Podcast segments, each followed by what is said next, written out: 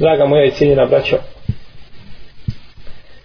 neka je zahvala i neizmjerna, i neizmjerna hvala našem gospodaru Tebarak je Oteala koji nas je okupio ove večeri i molim ga Subhane da ovaj skup naš upiše nama u naša dobra djela i da ga stavi na vagu i da ga nađemo i da nađemo ovo djelo kod našeg gospodara Tebarak je Oteala ja sam imao namjeru da dođem vama ovdje u jedno drugo vrijeme danas, no međutim Allah je htio tako da zakasnimo, imali smo program, imali smo skup. Jednostavno nismo mogli, nego onako kako je Allah Žešanu htio. U svakom slučaju, mi ćemo nasvjeti inša Allah dala da nadokladimo ono što smo propustili. Kažemo, draga moja braćo, uslišenom se Allahu te barake o ta'ala zahvaljujemo jer da se muslimani okupe u jednoj od njegovih kuća, to je njegova blagodat. To je njegova blagodat prema njima i to je njegov teufik i njegova pomoć da se čovjek ne nađe na mjestu gdje je Allah Žešanu zabranio. Da li se mogu uporediti oni koji borave u džamijama i koji se druže u ime Allaha te barake o i oni koji borave u birtijama i koji srde svoga gospodara Azza u džel. To se nikada ne može isporediti. Tu je velika razlika. Uzvišen je Allah te barake o tala je vjernike počastio islamom, vjerom, dinom i vjerom pored koje Allah te barake o tala neće prihvatiti druge vjere. Kaže Subhane ومن يبتغي غير الإسلام دينا فلن يقبل منه وَهُوَ فِي الْآخِرَةِ مِنَ الْخَاسِرِينَ A ko bude tražio vjeru osim Islama, ona mu neće, neće biti primljena kod uzvišenog Allaha te barakla. A na sudnjem danu on će propasti. Ne može. Nakon dolaska Islama i poslanika sallallahu alaihi sallam ne vrijedi ništa drugo nego Islam. I on ostaje puno stažan i po njemu se radi dok Allah žešanu ono nasledi zemlju i ono što je na zemlji učinio da se sredbenikom ove uzvišene vjere a nije nas učinio da budemo od onih koji su zalutali ili od onih na koje se uzvišeni Allah te barak je otala rasrdio no međutim braćo kada uzvišeni Allah te barak je otala učini čovjeka muslimanom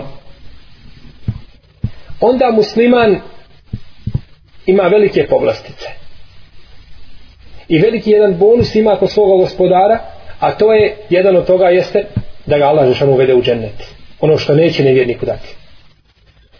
To je Allahova nagrada. No međutim, da bi čovjek vraćao došao do te nagrade, onda mora čovjek mora nešto učiniti, mora nešto raditi. Mora se pokazati na ome poligonu ispita, na ome prolaznom svijetu. Ovo je mjesto, braćo, gdje se sije, gdje se radi, a plodovi se ubiru negdje tamo, ne ovdje. Ko hoće da ovdje ubire plodove svoga truda i rada za islam, kažemo mu, pogrešio si mjesto. Nisi došao na dobro mjesto. Čovjek koji hoće da digne svoju platu, pa mu ta plata dođe na jedan žiro račun u jednu banku.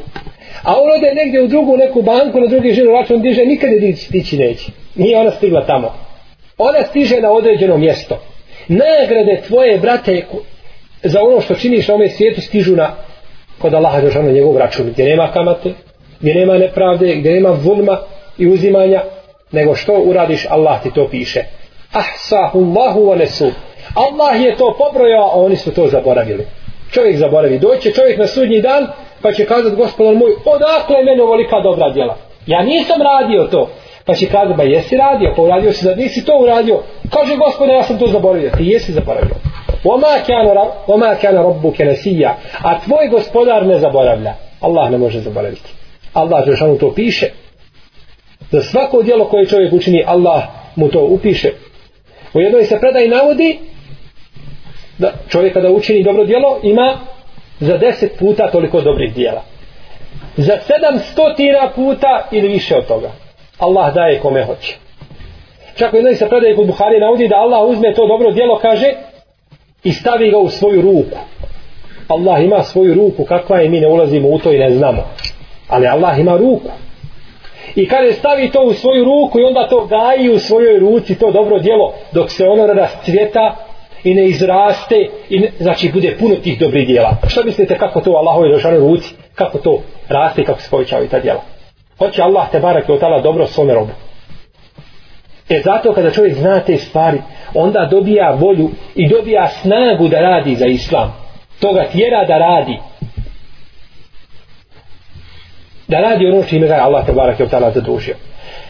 Draga moja braćo, muslima, znači musliman kada uđe u dini, u vjeru i kada se prihvati Allahu i Đeršanu propisa i, da, i kada kaže la ilahe in Allah, na njega padaju određene obaveze u islamu neće kazati samo la ilaha illallah i zadržati se kao što drže se kršćani i židovi koji su svoje vjere sveli sve to da jednom nedeljno ode u crpu da bude jednom nedeljno musliman toga nema u islamu u islamu si musliman 24 sahata dnevno toliko si musliman i toliko ti je islam tvoj 24 sahata dnevno neki su muslimani nažalost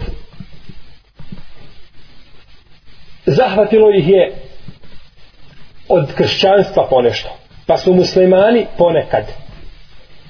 Musliman je uz Ramazan. Ili je musliman uz Bajram. Ili uz petak. To su oni najbolji koji su. On je petkom samo musliman. Drugim danima nije bitno. To su sezonski muslimani. Sezonski muslimani.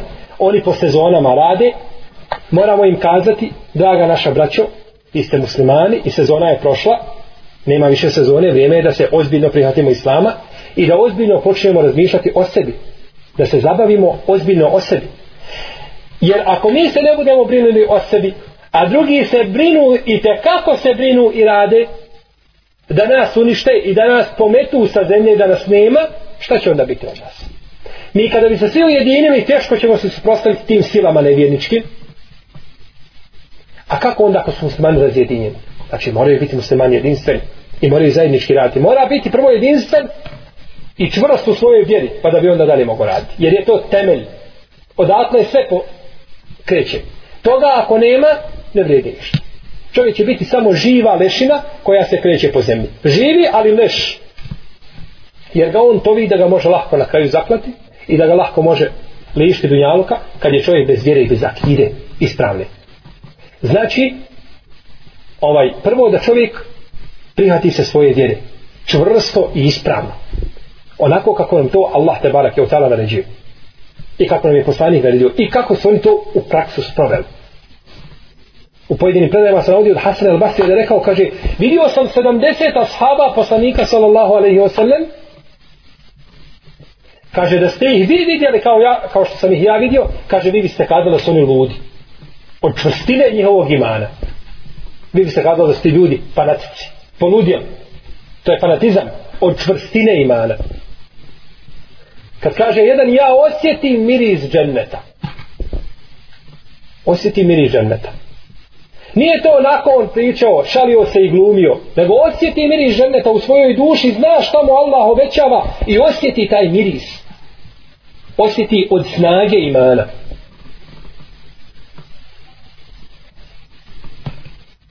kako su oni postupali i kako su se te prve naše generacije držale svoje vjere. Nisu u tome popuštali, nego su znali da je to zalog njihov ut, opstanka. Vola tehinu, vola tahzenu, o entumu le'aleun. Nemojte se žalostiti i nemojte nadu gubiti. Nemojte pokleknuti, vi ćete biti sigurno pobjednici. Allah žena obećava, vi ćete biti povinci. Ali šta? Uz jedan uvjet. Allah postane jedan uvjet. Svako kada kaže nešto, ja ću tebi dati to i to, pa nudim ti to i to, pa ti dajem taj kredit, napravit ću ti školu, jer da nama zapad puno toga nudi. Ali sve kad ponudi, kaže onda, ali samo da bude naš plan i program rada. Da mi odgajamo vašu djecu po našim ovaj temeljima i našim učenjima, zasnovanim na kufru i na nevjersu, mi ću vama napraviti školu. Nikakvih problema nema svako nešto uslovljava. Allah te barke wa ta'ala je najpreći da uslovi robu. On ima pravo na to. Nemojte nadu gubiti i nemojte sažalostiti. Vi ćete biti spovjenici.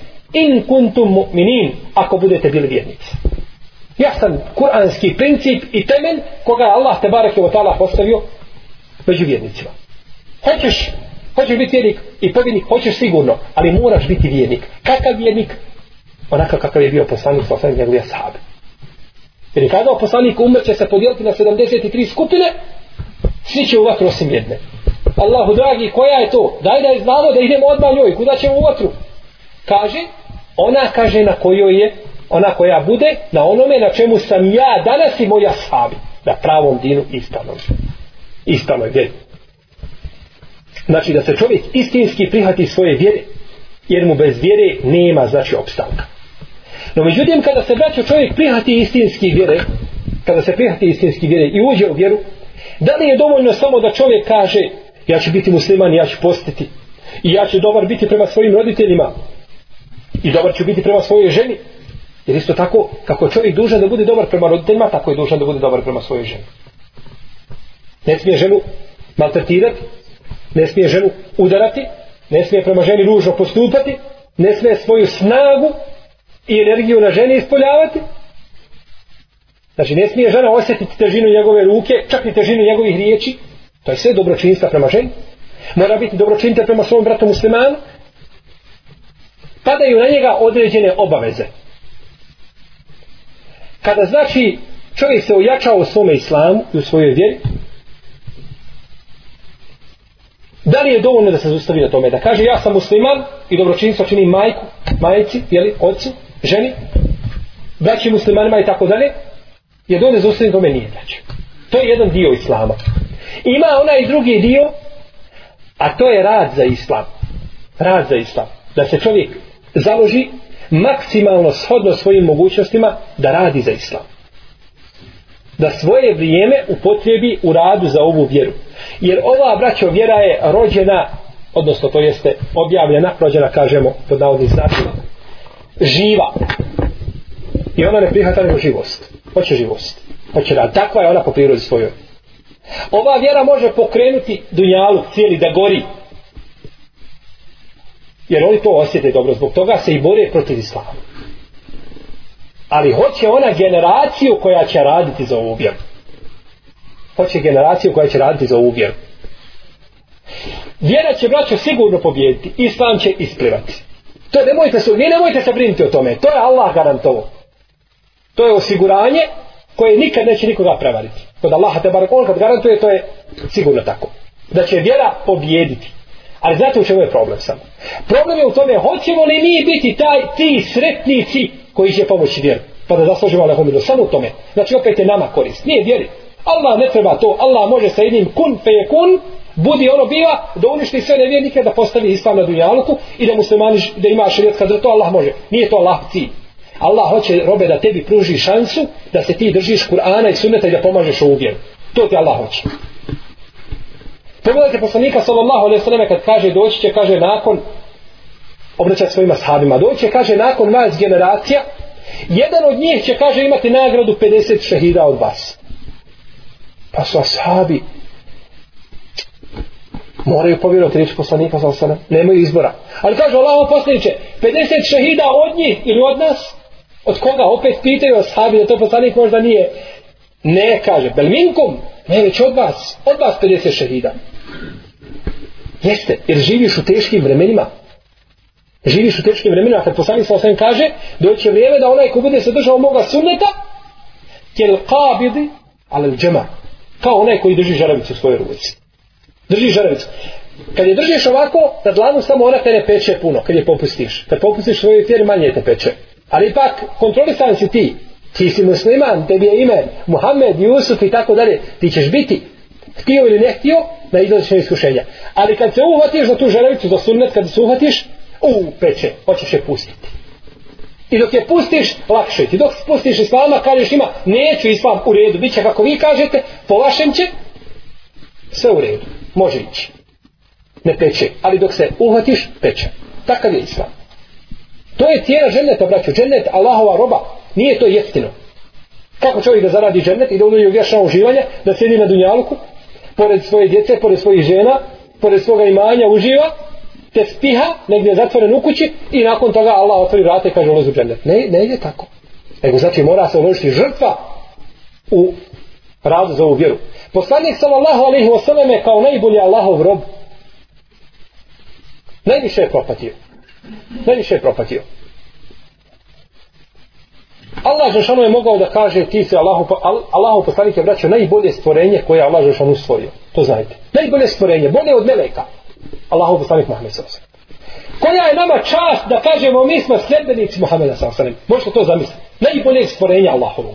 Meleki koji ne griješe, koji su, koji svoj stava imaju Allaha veličaju i dan i noć, e, seždu samo čine u kosmosu, ne mogu biti kako sami Muhammed To je to nama čast. Ali pogledajte s druge strane kako Allah hoće nas da pouči. Da nama da lekciju, pa pogledajte kad je rekao poslanik sa osam, kum pe enzir, ustani opomeni. I nije poslanik sjeo, kad je ustao da radi, nije sjeo dok nije se vratio svome gospodaru. Nema odmora. Kaže Allah te barek utala poslaniku sa osram. Fe ida farogte te unsob. Pogledajte, braći, ovo štara. Jedan ajet kratki koga mi često učimo. Ali možda nismo razmišljali o njegovom značenju. Kaže Allah te barek je utala poslaniku. A kada završiš, završiš jedan posao, kaže ti se umaraj. Pa dobro, red je, mi kažemo ovdje mi kada završiš, odmaraj se. Nešto se radio, pa se odmori. Allah kaže poslaniku, kada završiš jedan posao, umaraj se. Što će kazati time? Reći znači, kad, kad budeš radi jedan posao, bio si u namazu, postu, zekijatu, džihadu i završio to, nemoj davati sebi odmora, odmah idu drugi posao i radi. Jer na Dunjaluku se radi, braću, na Dunjaluku nema odmora. Ko hoće ovdje da uživa na Dunjaluku, to ne može, uživat će tamo. Vjerni koje muke počinju kad iziđe iz majčine utrobe. Ovdje na Dunjaluk, tad počinju njegove utrobe. Tad počinju njegove proste muke. Jer ga tada šetan bocne, pa zaplače. Osim koga? Isa alaih salam i njegove majke, njima šeitan tu nije mogao ništa. A drugi ljudi, to će osjeti. I šeitan ga cijelog života prati i nastoji da ga odredi u zabludu. I to je ta borba između čovjeka i šeitana na ovoj zemlji. Tu su njegove muke. Kad uđe čovjek u kabur, tad počinju musliman, musliman, tad počinju njegove ljepote. Kad ulazi u kabur, dok ga stave u kabur i dok ga zatvore, počinju njegove ljepote. Kabur mu se otvori 70 podvaktica, osvjetljen kabur i ne boji se ničega. I Allah mu pokaže njegov mjesto u džennetu. Kaže, ovo te čeka kad te proživi. Pa još više poveća mu se a, a, a, radost njegova i čežnja da dođe taj dan da ga proživi. A, š, a šta biva sa nevjednikom? Nevjednik ovdje na Dunjalku, dok boravi, ovo je njegov džennet, ovdje uživa. Kako su počele, kako su počele nevjernikove ljepote ulaskom u kabur, tako počinju nevjernikove muke ulaskom u kapu. I sve nakon toga je njemu šta? Muka. Dok bez, bezvječno. Bez, u beskraj. A vjerniku je lepota u beskraj. Kad uđe u kabor, dobit će u kaboru postelju, lijepu postelju od vatre. I pokrivač od vatre i jastuk od vatre. Sve će imati od vatre da se ne sikira ništa. Sve će mu to biti besplatno.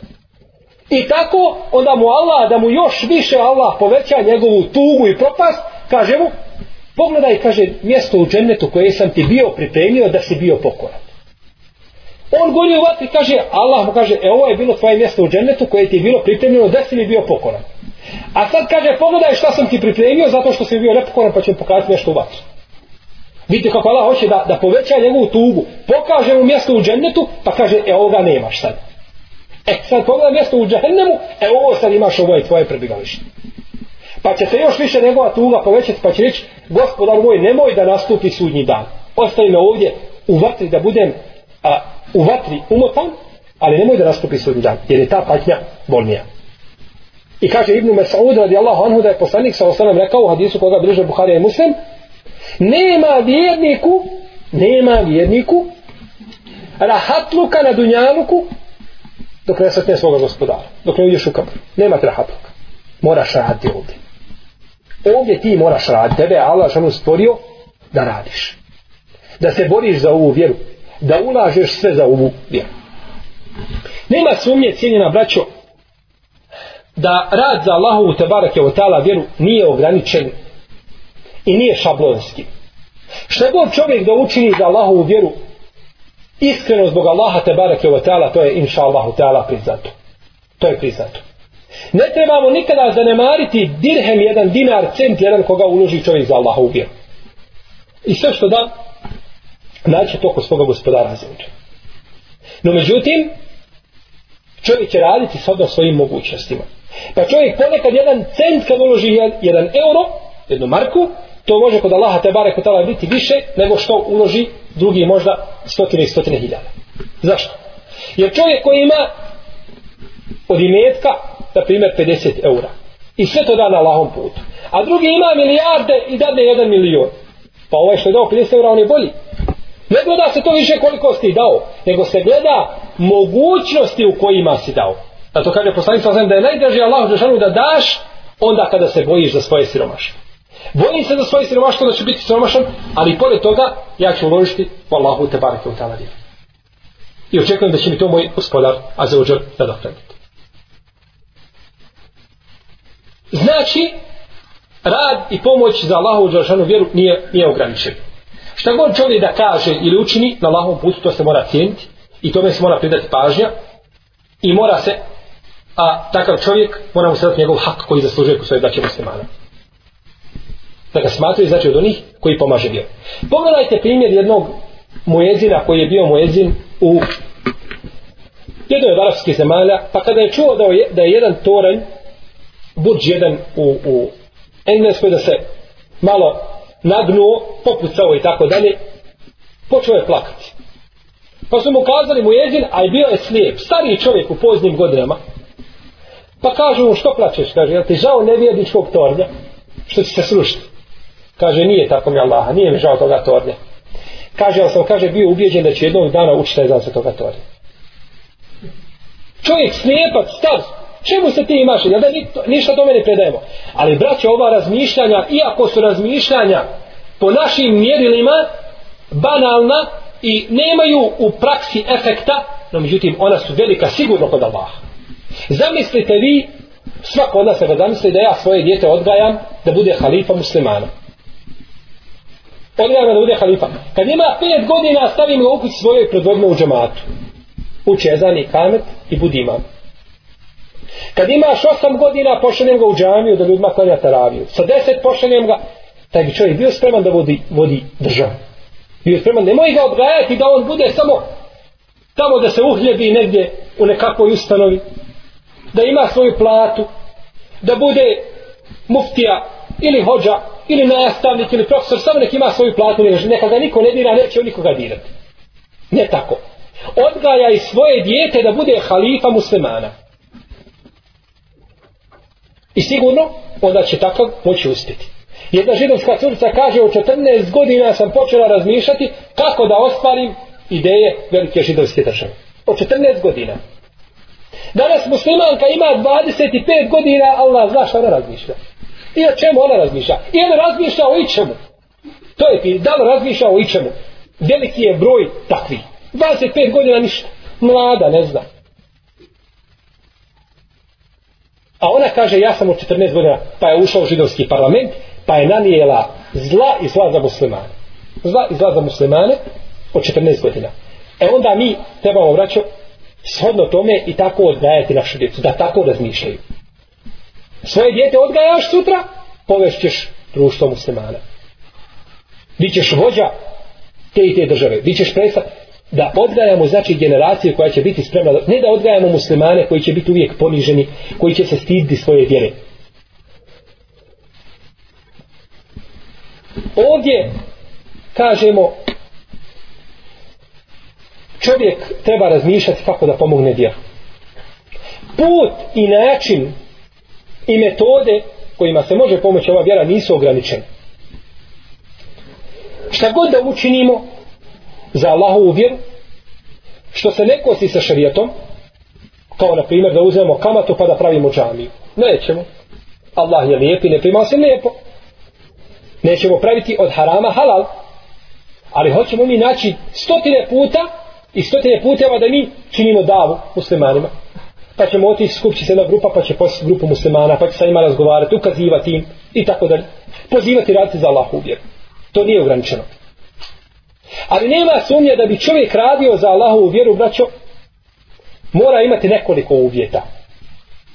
No međutim, ne bismo o tome pričali, jer je to široka tema, na kojoj bi se puno zadržali, vremena je malo. No međutim, spomenuo bi ovdje samo dva uvjeta. Da čovjek ima nešto od znanja, braćo. Nešto od znanja. Ne može se pozivati bez znanja. Ne ide to. U Allahovoj se vjeri ne može govoriti bez znanja kada bi čovjek došao i učinio u nekom medicinskom centru jedan manji kiruški zahvat ili zub čovjeku izvadio da nema potvrde da je zubar, da nema jel, diplome i tako dalje, da nije ovlašten, šta bi od njega uradio? Bio bi kažnjavan. Odgovarao bi za svoje, oni bi to smatrali zlodjelom. Zlodjelom bi to smatrali. I ispravno je da se tako smatra, jer ti nisi ovlašten. E tako je Allahovi vjer. Mora čovjek nešto poznavati da mogu govoriti o tome. Znači nešto od znanja. I brojni su hadisi, ajeti koji ukazuju na vrijednost znanja. I da čovjek ne može govoriti bez znanja. Kaže Allah te bareka wa ta'ala Fa'alem ennehu la ilaha illa Allah ostagfir le zembike ulil mu'minine un minat. Fa'alem znaj. Vidite ovo. Znaj da nema drugog Boga od Allaha. Ali prvo znaj. Nije rekao nema drugog Boga od Allaha, znaj robe. Ne, nego znaj da nema drugog Boga od Allaha, pa kaže traži oprosta za vjednike i za vjednice. Tražite oprosti je rad. Ali Allah on stavio prvo znaj, znanje pa onda rad. Da prvo znaš, pa da onda radiš. Da pozivaš, rad je i pozivanje i pridržavanje, sve to rad. Prvo znaj. Znači da čovjek nauči nešto od Allaha i da te barake od tala vjeri. Jer pa illahu ladine amenu minkum wal ladine utul ilma darađatu. Allah za šanu će uzdignut od vas one koji imaju dato znanje koji vjeruju koji imaju dato znanje stepene velike uzdignut će ih uzvišenje Allah to barke znači da čovjek zna i o znanju smo dosta govorili i o vrijednostima titanja znanja i tako dalje ne bismo ovdje se više zadržavali u tome i drugi uvjet jeste braćo jedan od tih uvjeta a drugi od onih na koje smo se mi ograničili jeste da čovjek ima braćo svoje mjesto, centar odakle radi, odakle mu počivaju njegove aktivnosti. Činjenica je da mi danas muslimani ne možemo iz svojih domova, iz svojih stanova da činimo davu i da pozivamo muslimane da im objašavamo islamu.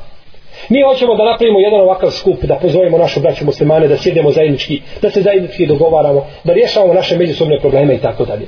To ne možemo raditi po našim stanovima, to je neizvodljivo. Znači moramo mi imati jednu svoju ustanom, jedan svoj centar, da ne kažem džamiju, možda je to teško jer muslimane danas ne mogu da iznađu sredstva da iznajme jednu prostoriju, jer se uvijek, mi se još uvijek braće tako nekako odnosimo muslimani, govorim za sve muslimane, da nam se još uvijek nekako džamije uvijek po kirijama potucaju i da se džamije od Srgija izdržavaju i tako dalje. To je naša gorka stvarnost. Neću kazati ružna stvarnost, ne bi bio pesimista, ali to je gorka stvarnost. Naša. Da, da je džamija uvijek na zadnjem mjestu i da se ona uvijek zapostavlja i ostada. A to je centar muslimana. Bez toga se ne može ništa raditi. Šta god hoće da čovjek da učini mora imati taj jedan centar koji okuplja i koji veže muslimane. Naravno mora u tome centru biti jedan učen čovjek koji će, koji će ljudima govoriti i objašnjavati im vjeru.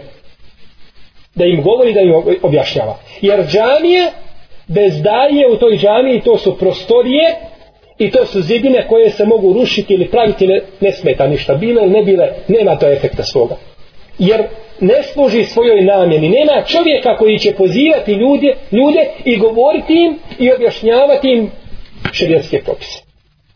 Zato je jako bitno uz tu džamiju da ima i jedan daja koji će govoriti. Jer braćo učaj čovjek kada dođe daja koji poznaje Allahu vjeru, on je kao kiša. Gdje god da pane hajr od njega, samo dobro. Kao vjetar.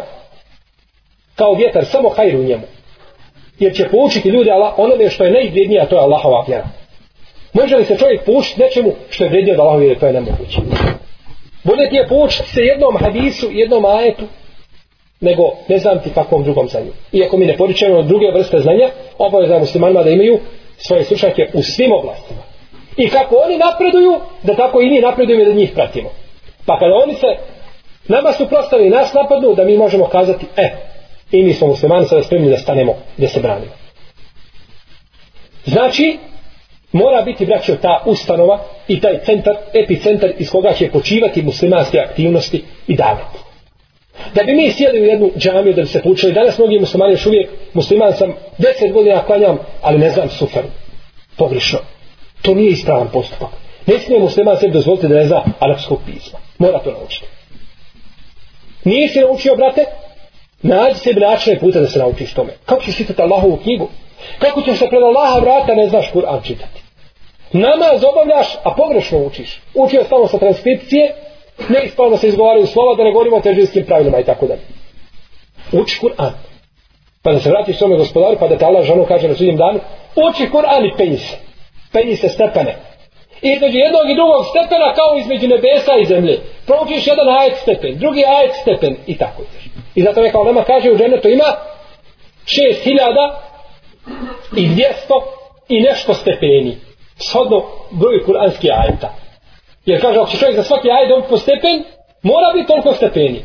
Onda kakva je razlika bilo ono ko nauči 30 džuzema ili neko nauči 15. Onda bi na istom ako, ako je, na primjer, samo da je, jeli, da je pola, da je 3000 ili samo stepeni. Nego kažu ima 6000 i 200 i nešto, jer se sam slučaj razilaze oko samog broja ajeta u Kur'anu. To je razlika velika. Kakva je to čast da lažeš ono da kaže uči kako si ga na zemljalku učio i penjisa. To je velika stvar. Znači ne smije sebi dozvoliti da ne zna da ne zna arabskog pisa. To mora pod hito naučiti. Da bi njegov ibadet bio ispravan. Kažemo, a to ne može braći bez džamije. Opet džamije. Šta god hoćeš drugo da u, na, učiniš seminar, predavanje, tribinu, e, sportske nekakve aktivnosti, da se akika napravi, za sve to potrebno znači da bude džamija. I najljepše gdje se mogu da se mani okupiti u džamiji. Jer u džamiji najmanje ima svađa i prepirki. Ovo je teoretski, možda se praktično ovo ne sprovodi, ali bi teoretski trebalo biti tako. Ne bi se muslimani smeli u džamijama kačiti i međusobne razmjerice, ovaj, razmjerice rješavati po džamijama, jedni sa drugima zamrati, tako to je neispravno. Muslimani su braća vjernici i moraju naći zajedničko rješenje na način kako to Allah te barek tala traži. Pokorimo se Allahu i poslaniku i budimo zajednica jedna. Vidimo ovdje kako je poslanik sa osrem braćo kako je poslanik sa osrem kada je došao u Medinu učinio je dvije stvari po kojima govorimo. Prvo je pobratio Ensare i mu, Ensarije i Muhađire. Pobratio ih. Nema svađe među muslimani. Braća su muslimani. Inne mel mu'minune ihue. Vjernici su braća. Vjernici su braća. Kad dođeš sa svojim bratom da raspravljaš, o nečemu kaže, brate, je čuo da Allah rekao da su vjernici braća. E, dobro, raz... sad razgovaraš i raspravljaš sa svojim bratom. Sa svojim bratom.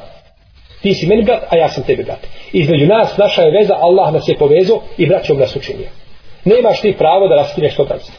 Ko može kazati, Allahu, i jesi povezao to, ali ja ti ga Allahu raskidam. Ko je taj? Nema toga ko to smije kaditi, tebi se tako nešto. Allah je povezao tebe i toga brata muslimana. Povratio svoju braću muslimane i šta je nakon toga uradio? Sad je radio džavi. Jer kad smo braća, šta ćemo sada? Na ulici se sretati? Kiša, snijeg, ne možemo. Nego trebamo mjesto gdje smo skupili, a to je bila džamija. I tako za sahabi sve radili po džamijama. Džamija je bila centar gdje se sastajali. Poslanik je tu savjetovo, poučavaju ih djeri, ponekad od sabah do, do, do jaci. Klanio poslanik sabah, pa smo prvo imba. Pa pričao ljudima do podne, pa si išao klanio podne, pa se popeo. Pa do ikindije.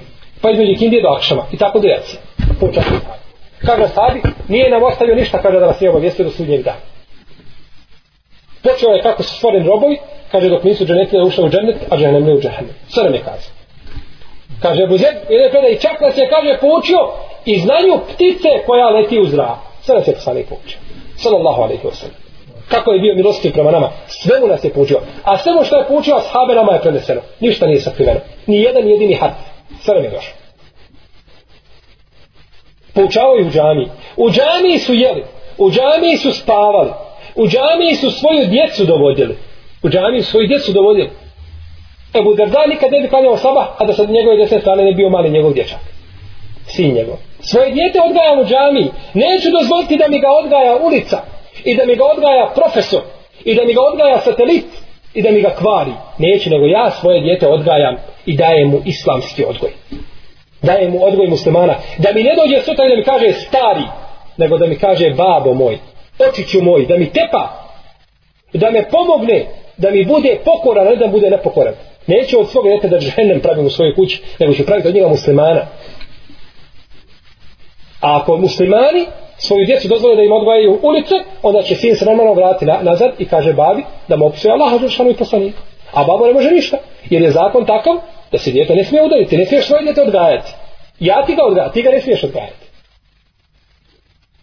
I onda kada dođe čovjek u djete njegov 15-16 godina kaže neće da sluša, pa neće živio, kako će slušati? Kad ga nisu odgojio da slušati. Trebao si ga ti odvojiti kako treba pa bi te on slušao. A to je sve braće nemoguće pe džami. Neka djece u džami, neka skaču, neka, neka se udaraju po džami, alhamdulillah, sam neka su džami. Jer djete kada se veže svoje srce, kad veže za džamiju, on ne može više odrasti pa da skače po kao oni ludaci što čine po, po diskotekama i tako dalje. Nego će biti u džami i znaće da boravi u Allahovi Đelšanu ući. I tako su odgajane generacije muslimana. Pogledajte džamiju poslanika u vrijeme Ebu Bekra četiri puta se širila. Hilafet Ebu Bekra je bio dvije godine i tri mjeseca. Četiri puta se džamija proširivala za četiri mjeseca. Kod bi se smanjila deset puta. Možeš tu malo pregrađivati, možeš praviti stanova izdavati s druge strane džamije. Jer nema potrebe, svaki dan manje klanjača. Četiri puta se širila džamija. Zašto? odgajali generacije u džamijama, pozivali ljude u vjeru i i ljudi im se odazivali i džamija se mora širiti, jer je tijesta, nema gdje kvaljati. To je generacija koja je shvatila vrijednost džamije u islamu. Vrijednost džamije u islamu. Da mi odgajamo svoju djecu u džamijama, bi je nama bilo dovoljno, na primjer, da u jednom mjestu koje ima 50.000 stanovnika da bude jedna mala džamija koja jedna primi stotinu klanjača. Ne bi bilo dovoljno ni 20 takvih džamija, ni 50 takvih džamija. No međutim, vidi se da se muslimani okreću svemu više nego džamijama. A to je površno. Jer Allah te barak je otela, odnosno poslanica sa sada se obještava da će Allah šanu sedam kategorija ljudi staviti u svoj hlad, kada nemde je bilo drugog hlada, osim njegovog. I jedna od tih kategorija kaže da je čovjek čije je srce vezano za džamiju. Ali koju kategoriju spominje braću prije toga? Ko zna? Spominje Allah, te barek je otala, dobro, ovo je stvar, sada može, ne može da na, na, padne na on. Um. Spominje mladića koji odraste u pokornosti Allahu. Hajde sad povežite ovo. Mladić koji odraste u pokornosti Allahu i čovjek čije srce vezano za džamiju. Gdje je odrasto taj čovjek? U džamiji! Odrasto u džamiji, čovjek odrasto u džamiji i njegovo srce vezano nakon toga za džamiju odras, odrasto u šeitanu koji sa šeitanom, sa muzikom i da u srce bile vezano za džamiju, neće biti. Odrasto u džamiju, pokonio se Allahu i srce se vezalo za džamiju i kako kaže poslani sa zem. U hadisu kaže u kalbuhu muallakun fil mesjid. Kaže njegovo srce obješano u džamiji. Pazite ovo. Ovako je tekst hadisa doslovan globalan prevod. Kako znači? Negdje je bila nekakva, nekakav ekser, kad prolazi džamija, skine svoje srce ovdje, stiga ovdje kući. Kako se živi bez srca? On će kazati, ja sam u kući svoje, ali mene vuče nešto da idem u džami, ostavio sam nešto u džami. E to je taj odgoj koji je bio u džami. Ali da se čovjek odgoji u džami, mora imati džami. Mora je napraviti. Mora džamija, hoće žrtvu. Džamija hoće da se čovjek žrtvuje i da daje za džamiju. Da izdvaja na Allahovom putu. A u sklepu toga izdvajanja jeste da se održava, da se održava, da se održava džamija. Zato, draga moja braćo, obaveza je muslimanima gdje se nađe par skup reda mala muslimana da imaju mjesto gdje će se sastati gdje će boraviti. Islamski učenjaci, pravnici, papihi kada raspravljaju, kažu da nije čovjek ispravno da živi u mjestu gdje nema džamije, zabranjuju. Zabranjuju. Kažu, nije dozvoljeno čovjeku da živi u mjestu gdje nema džamije. Možda će sada neko kazati, pa zbog čega to? To je, to je pretjerivanje.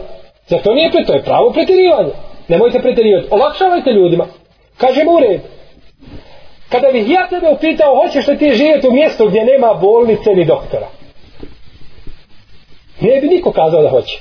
Jer šta će kad mi zaboli dijete stotinu kilometara ići? I tako dalje. Moram imati ja prvu pomoć. Bar hitnu službu nekako da mi da onaj Eh, preventivu, nekako i tako dalje. Ma Allaho rabe, kakva služba? Ba, tebi je džamija preča od te službe i od te bolnice. Jer u džamiji riječiš bolest koja se ne može riješiti u bolnici, a to je duša. Dušu nema nijedna rentgena koji snima dušu i koji liječi dušu, osim Kur'ana i sunneta.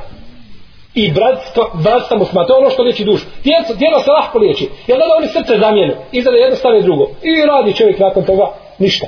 To mašina. Samo i dalje radi robu. No, međutim, je li ko zamijenio dušu? Ne može čovjek zamijeniti dušu. I zato se čudimo ljudima, čovjeku, kad je bolestan,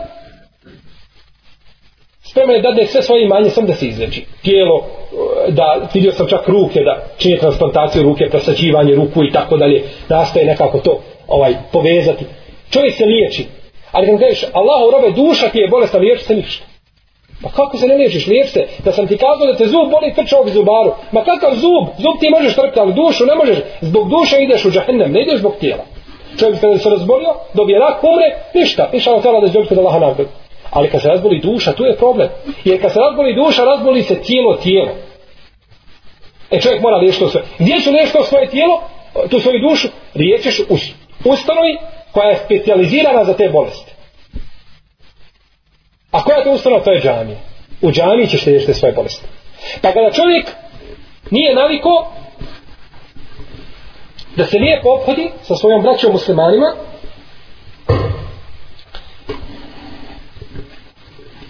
neprestanim dolaskom u džamiju i druženjem sa muslimana, muslimanima čovjek će se privići na to.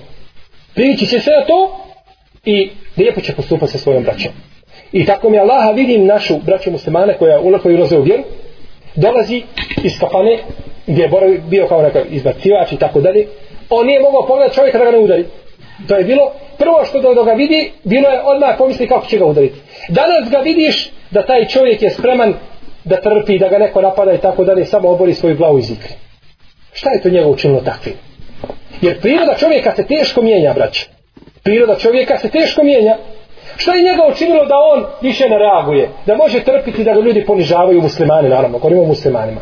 Neće čovjek činiti trpiti da ga vjernik ponižava. To međutim, to je zat musliman. Ti dođiš kaj u džami, on tebe napadne.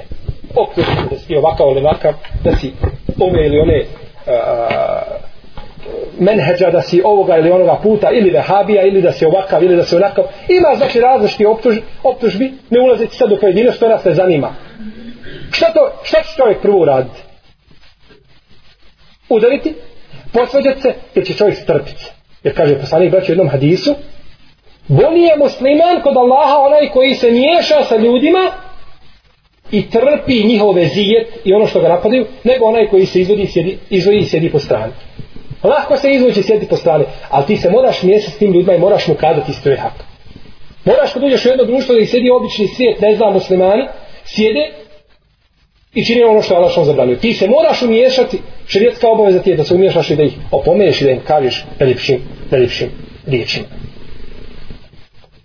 Znači, draga moja braća, vidimo kako mjesto pripada džami. Kako mjesto pripada toj ustanovi u kojoj su muslimani sve svoje zajedničke probleme rešavali. Čak u jednoj se prele navodi kod imama Buharije da su zarobljenike vezali za džamijske stubove. I zarobljenika u džamiju i za džamijski stubove. Za sve je džamija služila i odatle su se rađile i izlazile generacije. I onda možemo vidjeti islam koji se širio iz takvih podneblja, kakav je to bio islam? Zdravi, čist. Zdravi, čist islam. Kaže Ebu Šame, jedan islamski učenja, kaže, ušao sam, kaže, 448. hiđarske godine u Kudz. I kaže, našao sam 500 halki. U Kudz ušao u Jerusalim, jer što oni kažu, a to je Kudz. Kaže, našao sam 500 halki gdje se poučava i tiče znanja. 500 halki. I rekao sam, kaže, nema znanja. Nestalo je znanje. Nema znanja više. 500 halki, šta je to ništa? Danas u kodicu nema možda ni jedne halki. Uporedite to. Uporedite stanje muslimana kako se promijenilo. On je govorio za 500 halki da nema znanja. Izgubilo se znanje. Šta onda kazati u naše vrijeme kada nema nigdje ništa? Kada u kudic muslimani ne mogu ući i nama zavoljati u tom mesidu u kome jedan namaz vrijedi kao 250 namaza u drugim džamijama. U jednoj predaj se navodi 500, ali ispravno da je 250. Vidimo, i kada bismo se braćo vratili u prošlost i pogledali u knjige istorije, vidjeli bismo kako su ljudi muslimani, kako su se zajednički okupljali, zajednički radili. Jer ova vjera, braćo, ne, ne prihvata da čovjek radi pojedinačno i sam kaže čovjek ja ću se odvojiti ja ću raditi sam ja ću sam raditi sam nećeš sam raditi sam Allah je žarom gdje god kaže u Kur'anu kaže ja ejuheledine amenu ovi koji vjerujete ejuheledine svi skupa i ja ke nabudu a i ja ke nesta'in mi te obožavamo i od tebe mi ko mi svi muslimani ti učiš sam ali govoriš u ime svih muslimana Assalamu alejna wa ala ibadillahi salihin. Neka je salavat Allahov mir i spas na nas, na mene i na sve dobre Allahove robove. Ti u namazu, ali ti doviš svim muslimanima. Zašto? Zato što su muslimani jedno tijelo, jedna zajednica. Je šurdu ba'duhu ba'da, kako kaže poslanik. Jedni i druge učvršćuju, kao jedno zdanje čvrsto. Jedni se na druge oslanjuju, jedni druge podupiru. Zajednica muslimana. A to će biti samo kada se muslimani budu sastavili u Allahovim tebarek u tala kućama, poučavali se Kur'anu i sunetu poslanika sallallahu alaihi sallam i radili ono što im je dozvoljeno i ostavili ono što je zabranjeno, potpomagali se na dobročinstvo i bogobojaznosti, a ne na griješenje neprijateljstva. A sve se to ostavlja, ostavlja, znači ostavlja kroz tu instituciju, kroz džamiju. Govoriti o radu za islam i o džamijama i o drugim jeli, stvarima koje koriste u samoj davi se o tome se može govoriti puno i puno.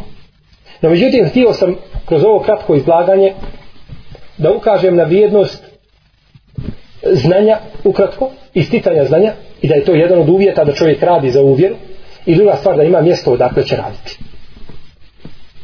Da bi time mi shvatili braćo da je stvar ozbiljna i da se moraju u tom pogledu preuzimati određeni koraci u napredak i znači da muslimani krenu odlučno.